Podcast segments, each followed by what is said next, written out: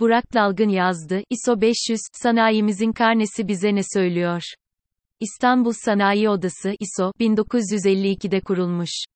Londra-New York arasında okyanus altından telgraf hattı çekilmesinden yaklaşık bir asır, Edison'un ampulü icadından 70 yıl, insanlığın uçmaya başlamasından 50 yıl sonra.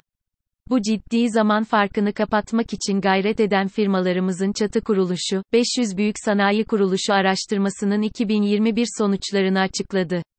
Bu vesileyle, sanayimizin karnesine 5 farklı açıdan bakalım, büyüklük, ihracat, büyüme, katma değer ve coğrafi dağılım. Büyüklük ISO 500, sanayimiz ve iş dünyamızın amiral gemisi. 500 firma toplamda 2 trilyon TL'nin üzerinde ciro yapıyor, 757 bin kişi istihdam ediyor. Listedeki tüm firmaları kutluyorum. Öte yandan bu sayıları hızla büyütmenin yollarını bulmamız gerekiyor. Örneğin, Japon otomotiv firması Toyota'nın cirosu, 500 büyük sanayi şirketimizin toplam cirosundan fazla. ABD süpermarket devi Walmart'ın cirosu ise ISO 500'ün 2.5 katı. Dev firmalarla yarışmak için de, araştırma geliştirme faaliyetlerine kaynak ayırabilmek için de, ülkemizin dünya ekonomisindeki payını, şu anda %1'in altında, yükseltmek için de ölçek çok önemli. ISO 500 cirosunun yarısının ilk 50, neredeyse üçte ikisinin de ilk 100 firmadan geldiğini, 100 milyon doların biraz üzerinde bir ciro ile ilk 500'e girilebildiğini düşününce, sanayimizin ölçek meselesi daha da netleşiyor. İstihdamda da durum benzer. ISO 500'deki 757 bin çalışana karşılık ülkemizdeki kayıtlı işsiz sayımız neredeyse 4 milyon kişi. İş bulmaktan ümidini kesenleri eklersek bu sayı iki katına çıkıyor. Üstelik her sene 1 milyon arkadaşımız çalışma çağına giriyor. Ne okulda ne evde, gençlerimizin sayısı 6 milyona yaklaştı. Senelerin çözümsüzlüğüyle büyüyen ve son yıllardaki başarısız ekonomi performansı neticesinde iyice akut hale gelen özel sektörümüz son 4 senede net bazda hiç yeni istihdam yaratamadı. Sorunlarımızı çözmek için adeta yeni ISO 500'ler oluşturmamız gerekiyor. Sanayicinin gerçekten para kazanıp kazanmadığını ölçebilmesi ve rahatça hesabını yapabilmesi, Türkiye'nin kalkınma hamlesi için ön şart. İhracat ISO 500 ülkemizin ihracatının %38'ini gerçekleştiriyor. Nitekim listedeki firmaların neredeyse tamamı 464 tanesi ihracatçı.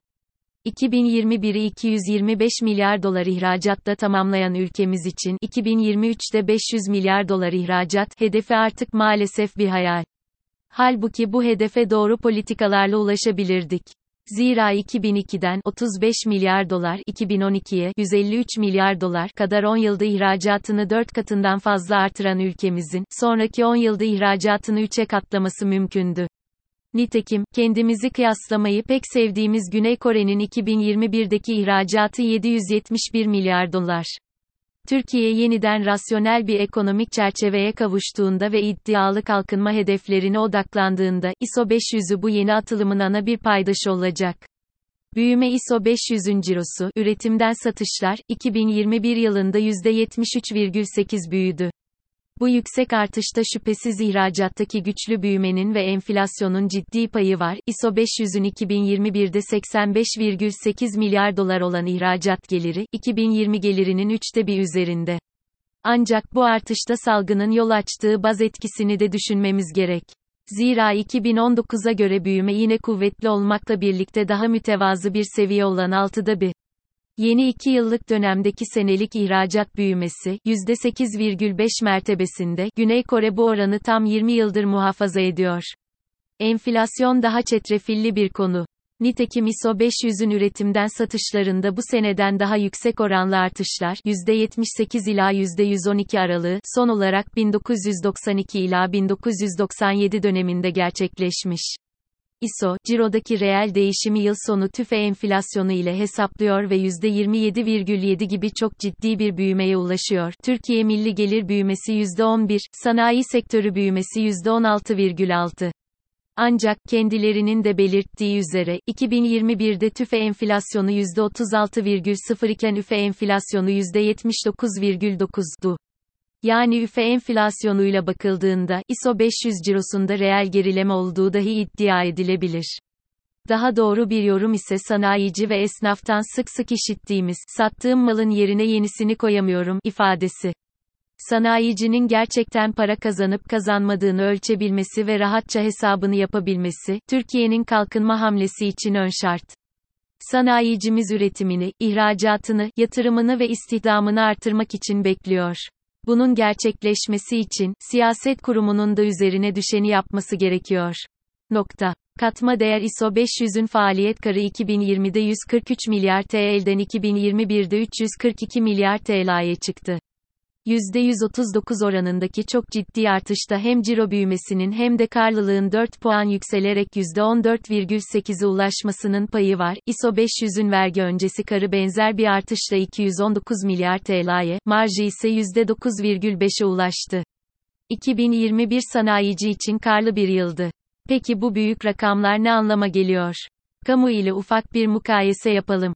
Hükümetin 2022'de faiz ödemeleri için öngördüğü ve maalesef artık çok iyimser kalan miktar 240 milyar TL. Yani en önde gelen 500 sanayi şirketimizin 750 bin çalışanıyla çok başarılı bir yılda kazandığı vergi öncesi kardan daha fazlasını hazinemiz faiz olarak ödüyor. Katma değer demişken, ISO 500 araştırmasında doğrudan yer almamakla birlikte, ihracatımızın kilogram başına fiyatına değinmesek olmaz. Japonya ve Almanya'nın 4 dolara, Güney Kore'nin 3 dolara, Polonya'nın neredeyse 2 dolara koştuğu bu kriterde, ülkemiz 1 dolar seviyesinde. Ülkemiz için kalıcı refahın yolu bu rakamı artırmaktan geçiyor. Bunun yolu, üretimde, bilgiyi artırmak. Nitekim ISO 500 araştırması, sanayimizin teknolojik yapısı hakkında ipuçları veriyor. 2021'de yaratılan katma değerde en yüksek pay düşük teknoloji yoğunluklu sanayilerden geliyor. Seneler içinde azalsa da bu oran hala üçte bir mertebesinde. Yüksek teknoloji yoğunluklu sanayilerin payı ise %6 mertebesinde takılmış durumda. Sanayimizin büyük kısmı teknolojik vasatlık tuzağına düşmüş durumda. Nitekim İSO'nun sanayinin dijitalleşmesi konusundaki bir çalışması, şirketlerimize 4 üzerinden 1.9 puan vermişti. Reaktif verimsizlik seviyesi. Günlük kararlarla veya acil durumlara göre işlerini yöneten şirketler hedeflere göre yönetilen süreçler ve önleyici sistemler geliştirmek yönünde çalışmalar yapmaktadırlar, diye açıklanan bu durum, Endüstri 4.0 konusunda önümüzde uzun bir yol olduğuna işaret ediyordu. Milletimizin sanayi devrimini kaçırarak ödediği ağır bedel ortadayken, bilgi çağının içinde bulunmanın bir lüks değil, bir mecburiyet olduğunu vurgulayan bir kanıt daha. Coğrafi dağılım ISO 500'ün coğrafi dağılımı da ilginç veriler sunuyor. Şirketlerimizin neredeyse üçte birinin İstanbul'da olması herhalde hiçbirimiz için şaşırtıcı değil. Ancak maalesef 32 ilimizin listede adı yok. Bunların arasında Diyarbakır, Mardin ve Şanlıurfa gibi büyük şehirlerimiz de var. 14 ilimiz listede sadece bir temsilciyle yer buluyorlar. Bunların arasında Erzurum, Malatya ve Ordu gibi büyük şehirlerimiz de bulunuyor. Güçlü, sürdürülebilir ve kapsayıcı ekonomik büyüme için ISO 500 temsilinin yaygınlaşmasının önemini hatırımızda tutmalıyız. Sonuç Türkiye'nin en büyük 500 sanayi kuruluşu listesinin genel bir analizi, kalkınmamız için 5 kritik hususu tekrar vurguluyor. Öngörülebilir ve rasyonel bir makroekonomik çerçeve, dünya ile yarışma ve katma değer odaklı bir sanayileşme perspektifi, girişimcinin ayağındaki prangaları çözen bir politika seti ve dijital dönüşüme ve yeşil dönüşüme ülkemizi hazırlayan bir vizyon ve tümünü kuşatan güçlü, sürdürülebilir ve kapsayıcı bir ekonomi yaklaşımı sanayicimiz üretimini, ihracatını, yatırımını ve istihdamını artırmak için bekliyor. Bunun gerçekleşmesi için, siyaset kurumunun da üzerine düşeni yapması gerekiyor.